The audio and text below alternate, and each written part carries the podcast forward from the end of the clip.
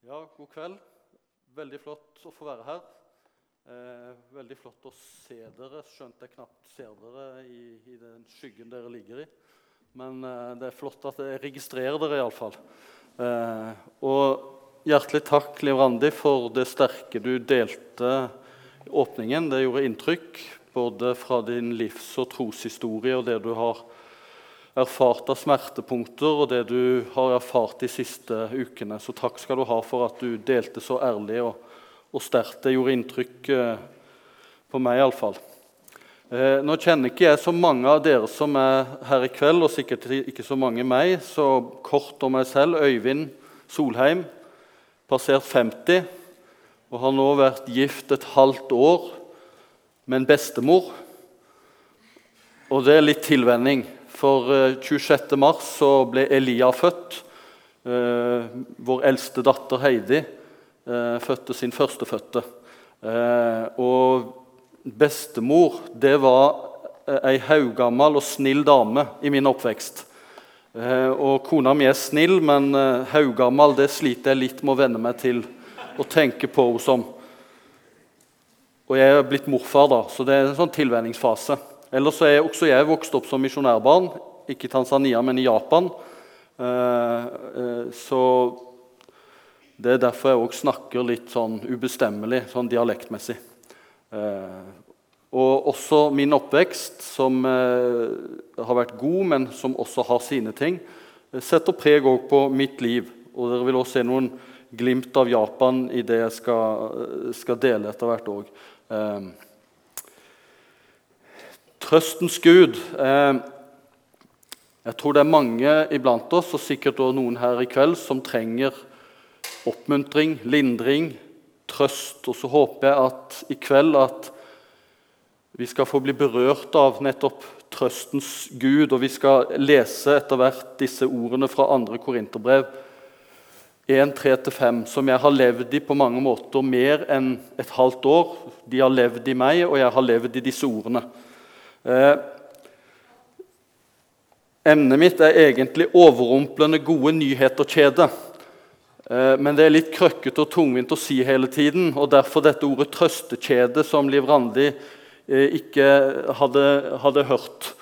Eh, men det kommer jeg til.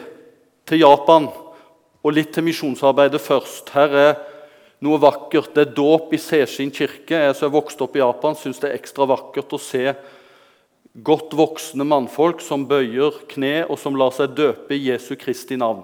Og Det er ikke lett i Japan å ta det valget og det steget og bli døpt. Eh, hvis du er eldste sønn, så har du gjerne ansvar for fedrealteret, og du, det oppleves som at du sviker familien, gjør skam på familien. Å gjøre det i Japan det er ikke en god ting. Så Derfor er det ekstra sterkt og ekstra vakkert å se en japaner som vil følge Jesus og bli døpt. Men dette skjer òg mange andre steder. Her er fra Elfenbenskysten. Eh, I en dåp i en elv. Vi ser det skjer på en annen måte, en annen kontekst. Eh, mens det skjer med rolige og verdige former i Japan, så skjer det her med verdige, men litt mer eh, øredøvende. Det fortelles at når, når disse sa ja til å følge Jesus og ble døpt til Jesu navn, i den tredje Guds navn, så jubla de vilt og hemningsløst på elvebredden. Så, så forskjellig kan det være sånn uttrykk på glede. Og Her er fra Taiwan. Jeg tror det var fire som ble døpt samtidig også der. Det er vakkert syn, syns jeg. Vi står i en større sammenheng, også i Salem, eh, rundt omkring i verden. Og disse, Vi ser at det er koronatid også i Japan. Det er Tone og Ole Bjarne eh, Tråsdal. Noen kjenner de kanskje, jeg vet ikke her. Og Alf Ivar og Benjamin, også lille Kaspian, som er det nye tilskuddet, de har kommet til Japan for en liten stund siden, vært i karantene eh, og er klar for arbeid. De er ferdig med språkskole. Men selv om vi opplever lettelser og på en måte mer normaliserte forhold nå i forhold til pandemien, så forteller Ole Bjarne at den femte bølge er over de der, og at iallfall i august og september så har de måttet sende taler på video og slike ting. De har ikke fått møte se sin menighet ansikt til ansikt der de skal jobbe. En av de første tingene de opplevde der, var nettopp den dåpen av denne mannen tidligere. Så dette er litt sånn Zoom-virkeligheten. Her er litt fra ungdomsarbeidet. Eh, han her, Shinki Takahira, er leder for barne- og ungdomsarbeid i samarbeidskirka vår, og som jobber tett med Marius og Karoline Bergersen, eh, som er våre utsendinger. Eh, og Sånn kan det foregå på et Zoom-møte. Jeg synes du ser riktig koselig ut for den som sitter på denne siden av kameraet med brygga kaffe. og og sånt. Men allikevel, det er jo ikke helt det samme som å møtes ansikt til ansikt. Her ser vi Shinki Takahira i aksjon både eh, i undervisning for ungdom og i radiostudio og i studio for å ha Zoom-møter med ungdom. Arbeidet deres har de kalt Kompass. Og Zoom-kompass det er når de må gjøre det via Zoom. Eh, jeg skal ikke oversette alt det som står der. Men nå vil jeg at vi før vi leser teksten, skal be for Shinki Takahira og arbeide i Japan, og be for oss her. Takk, Herre Jesus, for Shinki Takahira. Takk for våre misjonærer, familien Tråsdal og familien Bergersen. Må du velsigne dem rikelig i tjenesten. Og jeg takker deg også for disse som vi så bilder av, som har valgt å følge deg og er døpt til ditt navn. Må du bevare dem hos deg og velsigne dem rikelig i liv og tjeneste. Og så ber jeg for oss som er her. Du kjenner våre liv, du kjenner våre gleder, våre sorger, våre nederlag og våre seire må du berøre oss med din trøst i kveld, du som er all trøsts Gud. Amen.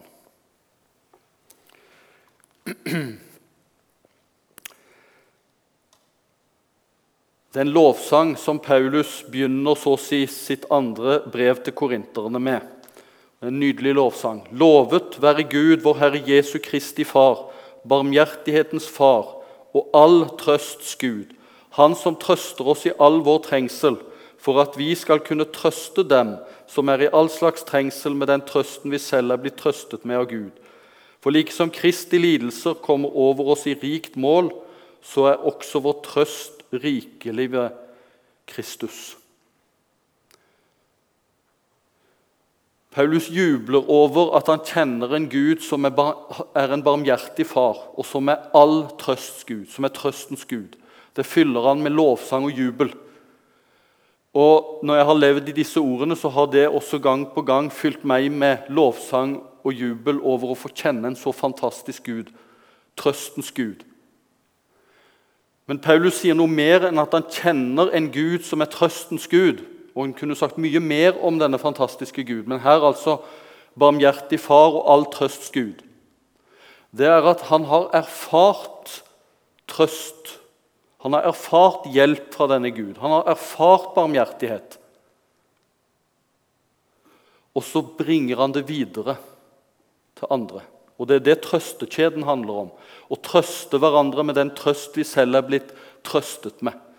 Sånn har trøstens Gud dannet en trøstekjede i verden gjennom mennesker vi møter, og ned gjennom historien. Og Det er det som jeg vil snakke litt om eh, her i kveld. Her er et bilde av eh, ei kvinnen ved Sykar. Dette er et maleri av Oskar Jansen, en som er sønn til, en som går på, til et ektepar som går på Misjonshuset i Haugesund. Eh, et vakkert bilde av kvinnen ved Sykars brønn som ble overrumplet eller truffet av nåden, for å bruke dette uttrykket, eh, når Jesus møtte henne. Møtte denne kvinnen med respekt anerkjennelse med det levende vann og tilgivelse og oppreisning. Men Dette uttrykket 'treft av nåden' det kom jeg over i en bok, en, en slags roman skrevet av en agnostiker og tilnærmet ateist. Iallfall mer ateist enn gudstroende. I alle fall. Eh, som har skrevet en slags roman om den første kristne, eller hvordan kristendommen ble til da, på grunnlag av evangeliene og Paulus sine brever. Og Det kan sies mye om den romanen, både positivt og negativt. Men så har han en liten, kostelig og flott passus som gjorde inntrykk på meg, og som jeg syns jeg måtte smile litt òg, men det var tankevekkende. Så skriver han da en av vennene mine var liten, hadde han hørt om en gutt på sin egen alder som var blitt truffet av nåden, og seinere blitt prest. Denne oppbyggelige historien skremte en av vennene mine slik at han hver kveld ba om å få slippe Guds nåde og slippe å bli prest. Og så sier han òg 'Jeg var som han'. og Så kan vi smile litt og undre oss over agnostikere og ateister som ber om å få slippe å bli truffet av Guds nåde og gå for å bli prest. Eh, som på en måte de så på som følgen av dette. Men jeg synes det er et nydelig uttrykk. Treft av nåden, overrumplet av nåden, rammet av nåden. Og aldri den samme igjen etterpå. Kvinnen ved brønnen ble aldri den samme. Og Paulus, som skriver denne lovsangen som vi har lest, han ble også så å si overrumplet av nåde ut forbi Damaskus. Han som omtaler seg selv senere som den største av alle syndere. Han som var den nådeløse forfølger av Guds menighet. Han ble nå nådens apostel og jeg har nesten ikke tall på alle steder det står om nåde i Paulus sine brever. Treft av nåden. Og så vil alle som på en eller annen måte er blitt begeistra for Jesus, eller følger han, eller tror på han, de har på en eller annen måte blitt overrumplet eller truffet av nåden. Og hver enkelt av oss har forskjellige livshistorier og livserfaringer. Eh, derfor så handler dette òg om altså å dele med hverandre den trøst vi selv har erfart.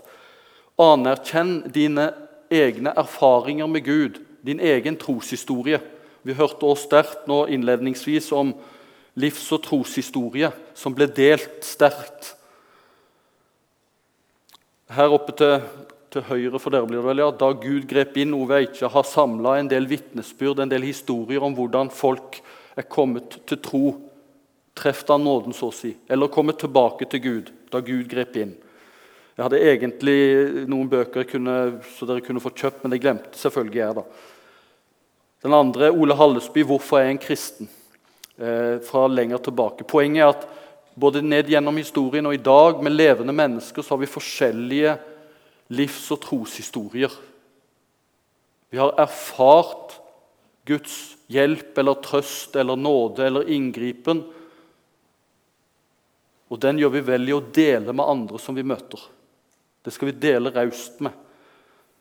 For vi har forskjellige liv, forskjellige erfaringer.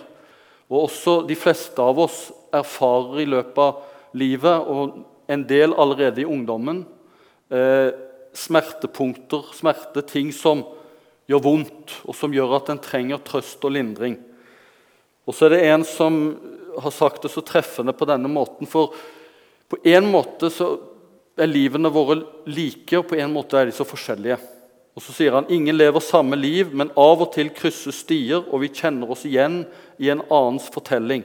Et gjensyn med noe kjent, en øyekontakt, et lite øyeblikk, før du går videre på din egen vei. Fra nå av vet du dypt inni deg noen har vært i nærheten av der jeg lever. Og det å møte noen sånn, Jeg har møtt noen sånne når jeg har hatt uh, mine smertepunkter i livet eller livskriser. Så har jeg møtt noen som ikke så fort sa at jeg har opplevd det samme. For det kan ofte nesten virke mot sin hensikt. at Da har du ikke egentlig hørt etter. For du kan ikke forstå min konkrete smerte, min konkrete utfordring. Men så har jeg møtt noen som jeg merker at har vært et lignende sted som er dypt nede, kjenner at de har vært i nærheten av der jeg lever. Og Det er vidunderlig å snakke med sånne. Det er vidunderlig å kjenne på den erfarte trøst eller hjelp de har fått. Så det å trøste hverandre med den trøst vi selv er blitt trøstet med. Og så er det noen som er blitt rammet og skamfert mer, sånn som denne kvinnen. Vel skamfert. Hun hadde også var skyldig i å ha brutt inn i fem ekteskap. Eller kanskje var det hun som var blitt påført gjennom andre. Det vet vi ikke. Men hun var iallfall et skambelagt menneske. Mye skyld og skam. Og så opplever hun å få drikke seg utørst på anerkjennelse og tilgivelse hos Jesus. Og Så går hun etterpå inn til landsbyen og forteller den samme landsbybefolkningen som hun før hadde unngått, som gjorde at hun var midt med middagsheten alene ved brønnen. De drar hun tilbake til og vitner. Jeg har møtt en som har sagt meg alt om livet mitt. Skulle han vel ikke være Messias? Og så ble det en vekkelse også der. trøstet og bringe denne trøsten videre. Eh, og det er mange mennesker som er blitt rammet og preget av ting som de er blitt påført av andre, i tillegg til det en har påført ved dårlige valg selv. Og Her er et vitnesbyrd fra en som er vokst opp i et fosterhjem i Sverige. Fram og tilbake institusjoner og fosterhjem. Eh, Regna som håpløs blant de fleste, men så havna i et trygt kristent hjem og etter hvert ble kjent med Jesus. Og så er hans vitnesbyrd en omskrivning av Lina Sandell sin kjente 'Ingen er så trygg i fare', eller som den er på svensk 'Tryggere kan ingen være.' Og så skriver han sitt vitnesbyrd. 'Styggere kan ingen være enn at Jesus kan dem klare'. Altså ingen er så stygge eller så ekle, om du vil, eller at ikke Gud tåler dem, ikke Gud kan berøre dem. Hjelper dem og gjør dem trygge. Aldri mer de blir stygge, da de blir stygge. Jeg syns det er sterkt vitnesbyrd om en som har erfart at Gud, han tåler meg. Og ikke bare det, han elsker meg. Sånn at jeg nå ikke lenger tenker på meg selv som stygg. Vakker i Jesus. Jeg syns det er nydelig. Og Det er mange som vi møter, om det er kanskje noen her som også er vokst opp i et fosterhjem eller vokst opp i vanskelige forhold og har kjent på nettopp at jeg er feil eller jeg er stygg eller jeg, ikke, jeg er håpløs, regna som håpløs. Ingen er håpløs for trøstens Gud. Og så er det dette trøstens økosystem, som det kan kalles, eller trøstekjeden. For i kapittel 7 i samme brevet som vi leste lovsangen fra, så sier Paulus at Gud som trøster de nedbøyde. Et nydelig uttrykksmåte om Gud. Gud som trøster de nedbøyde, altså de utslåtte, de som ikke mestrer livet, de som har blitt påført smerte, skamferte. Han trøstet oss ved at Titus kom. Av og til er det nok at en du har tillit til, en du er glad i, eller et menneske bare kommer inn i rommet eller er på telefonen, hører stemmen hans eller hennes en gang så står det at Paulus han så brødrene. Da fattet han mot. Av og til er det nok bare med tilstedeværelsen av en du er glad i, en kristen bror og medvandrer. Vi tenker av og til at vi må ha så mye å si. Men det viktigste er at du er deg selv hos de andre så kan du være til trøst og hjelp bare ved det. Men så fortsetter han, men ikke bare ved at han kom, men også ved den trøsten at selv var blitt trøstet med hos dere. Så var det en trøstekjede fra Paulus som en gang hadde brakt trøstens Gud til korinterne. Og så nå får Paulus trøst tilbake via Titus, som var i Korint, og brakte trøst som han hadde fått hos korinterne, tilbake til Paulus igjen. Så dannes det en sånn trøstekjede og Denne trøstekjeden kan du inngå i, og inngår nok du i, uten at du kanskje har tenkt så mye på det. Det er ikke så ofte jeg gjør det, men i dag så vil jeg eh, ha Ole Brumm og Nasse Nøff som forbilder og lese litt fra Ole Brumm. Jeg syns det er nydelig, og jeg syns det passer faktisk inn òg. Plutselig kom Ole Brumm og Nasse Nøff på at de ikke hadde hørt noe fra Tussi på flere dager. Så de tok på seg hattene og frakkene sine og ruslet gjennom hundremeterskogen bort til Tussis pinnehus. Inne i huset satt Tussi. 'Hallo, Tussi', sa Brum. 'Hallo, Brum'. 'Hallo, Nasse', svarte Tussi med en rolig stemme. 'Vi ville bare se til at alt var bra med deg', sa Nasse. 'Fordi vi ikke har hørt noe fra deg på mange dager, og derfor ville vi bare vite om du hadde det bra.' Det ble stille et øyeblikk. 'Har du det bra, Tussi?' spurte Nasse. Vel, svarte Tussi, jeg vet ikke, for å være ærlig. Er det noen av oss som egentlig har det bra? Det er det jeg spør meg selv. Alt jeg kan fortelle dere, er at akkurat nå så føler jeg meg veldig trist og alene. Og det er ikke mye moro å være i det hele tatt. Og det grunnen, og det er grunnen til at jeg ikke har plaget dere. Fordi dere vil vel ikke kaste bort tiden deres på å være med noen som er triste og alene, og ikke er mye moro i det hele tatt? Ville dere vel? Brum så bort på Nasse, og Nasse så på Brum. Og Så satte de seg begge ned på hver sin side av Tussi, og han så overrasket på dem. 'Hva gjør dere?' 'Vi sitter bare her med deg', sa Brum, 'fordi vi er vennene dine.' Og ekte venner bryr seg ikke om noen føler seg triste eller er alene, eller er ikke mye moro å være med i det hele tatt. Ekte venner er der for deg uansett, så her er vi. Oi, sa Tussi. Oi. Og der satt de alle tre i stillhet, og mens de sa ingenting, på en eller annen måte, nesten umerkelig, begynte Tussi å føle seg litt bedre. Fordi vennene var der. Ikke mer, ikke mindre.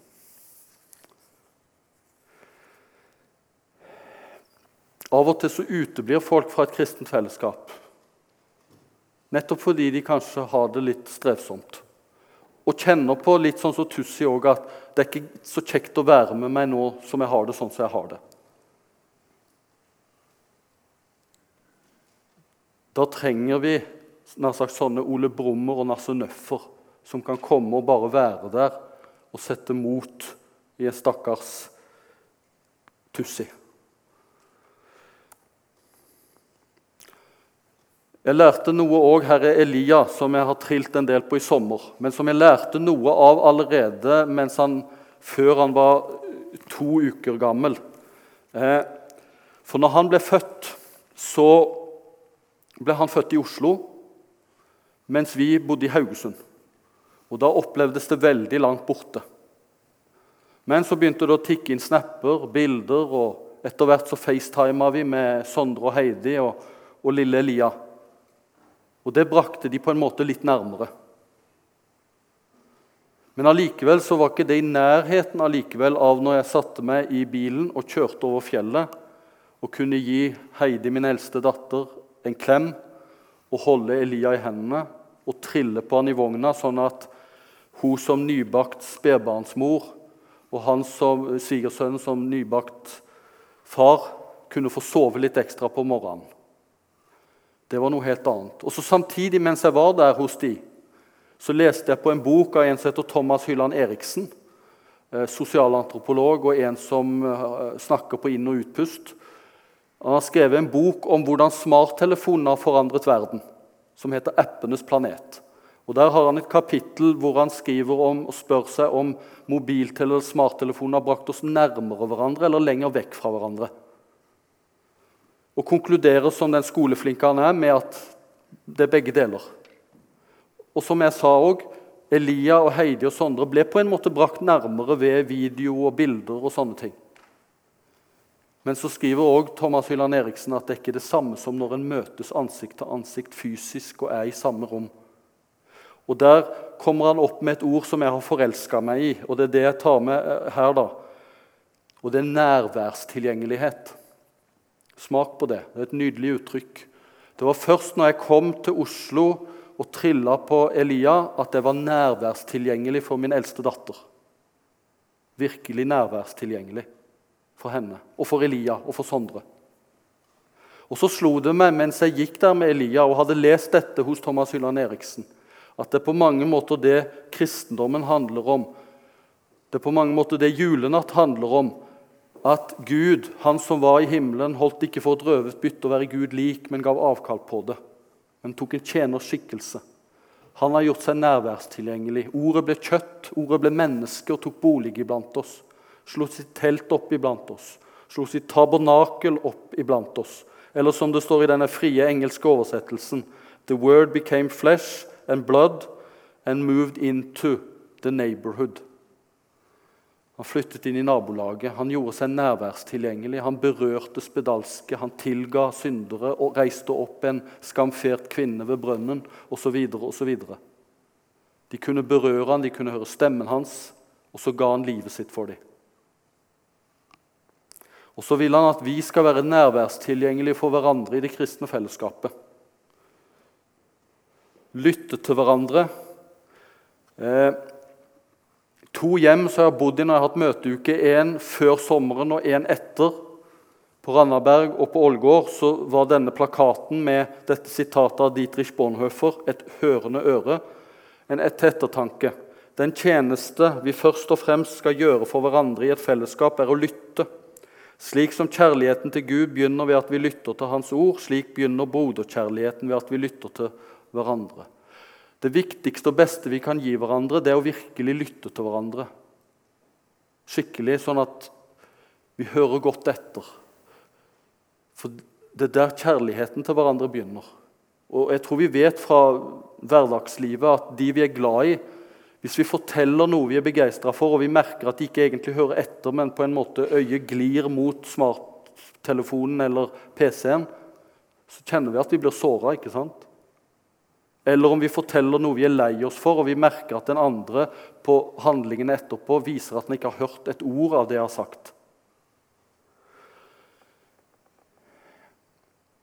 Vi opplever skjermsjalusi. Og Gud opplever til av og til skjermsjalusi at skjermen kommer i veien for å lytte til Han, og skjermen kommer i veien for å lytte til hverandre. Glimt fra tre fortellinger som har fortalt meg noe viktig om Jesus, og som han ønsker og vi skal ligne han i. Det er Bartimeus ved Jeriko som ropte om å få treffe Jesus. Det er foreldrene som bringer barna til Jesus. I begge tilfeller så var det disipler og folkemengder rundt som truet de og sa ikke 'ti stille' eller 'ikke kom nærmere'. Og hvor Jesus sier 'nei, hindre dem ikke', eller 'kom hit med Bartimeus'. Og der i midten så er det de fire vennene som også møter hindringer, men som ikke gir seg, bryter opp taket, forstyrrer stormøtet og senker vennen sin ned helt frem til Jesus. Og Jesus lot seg forstyrre, og det er det jeg syns er sterkt og nydelig. Disiplene ville ikke at de skulle forstyrre mesteren med barna eller med Bartimeus den blinde. Men Jesus lot seg forstyrre. La vi oss forstyrre av de mennesker vi møter som strever? Kari Opperud, som har vært misjonær i Japan i over 40 år, og som nå er pensjonist, hun forteller en historie eh, som jeg forteller en del ganger fordi jeg syns den er nydelig, om dette å la seg forstyrre. For hun fikk en kveld en telefon fra en japaner som hun hadde vært i kontakt med. Jeg tror det var en håndverker eller et eller annet, som hadde henne på telefonlista si. Han satt egentlig med pillene for å ta livet sitt. Men så ringte han til Kari.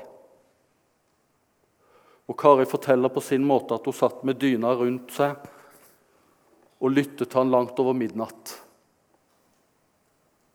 Og Dagen etterpå så tikker det inn en melding. 'Takk for at du lot deg forstyrre i natt. Takket være deg lever jeg i dag.' Sånn kan du også med å la deg forstyrre av et menneske som kjemper for livet. Noen ganger så får vi høre det direkte og vet det, andre ganger vet vi det ikke. La oss oppøve sansene, lytteevnen til hverandre og gi mennesker håp. Her er et Sangvers nummer to av Svein Ellingsen. Gi håpet rom i denne tid, hvor langt du enn er nede. Hos den som taper i sin strid, er Herren skjult til stede.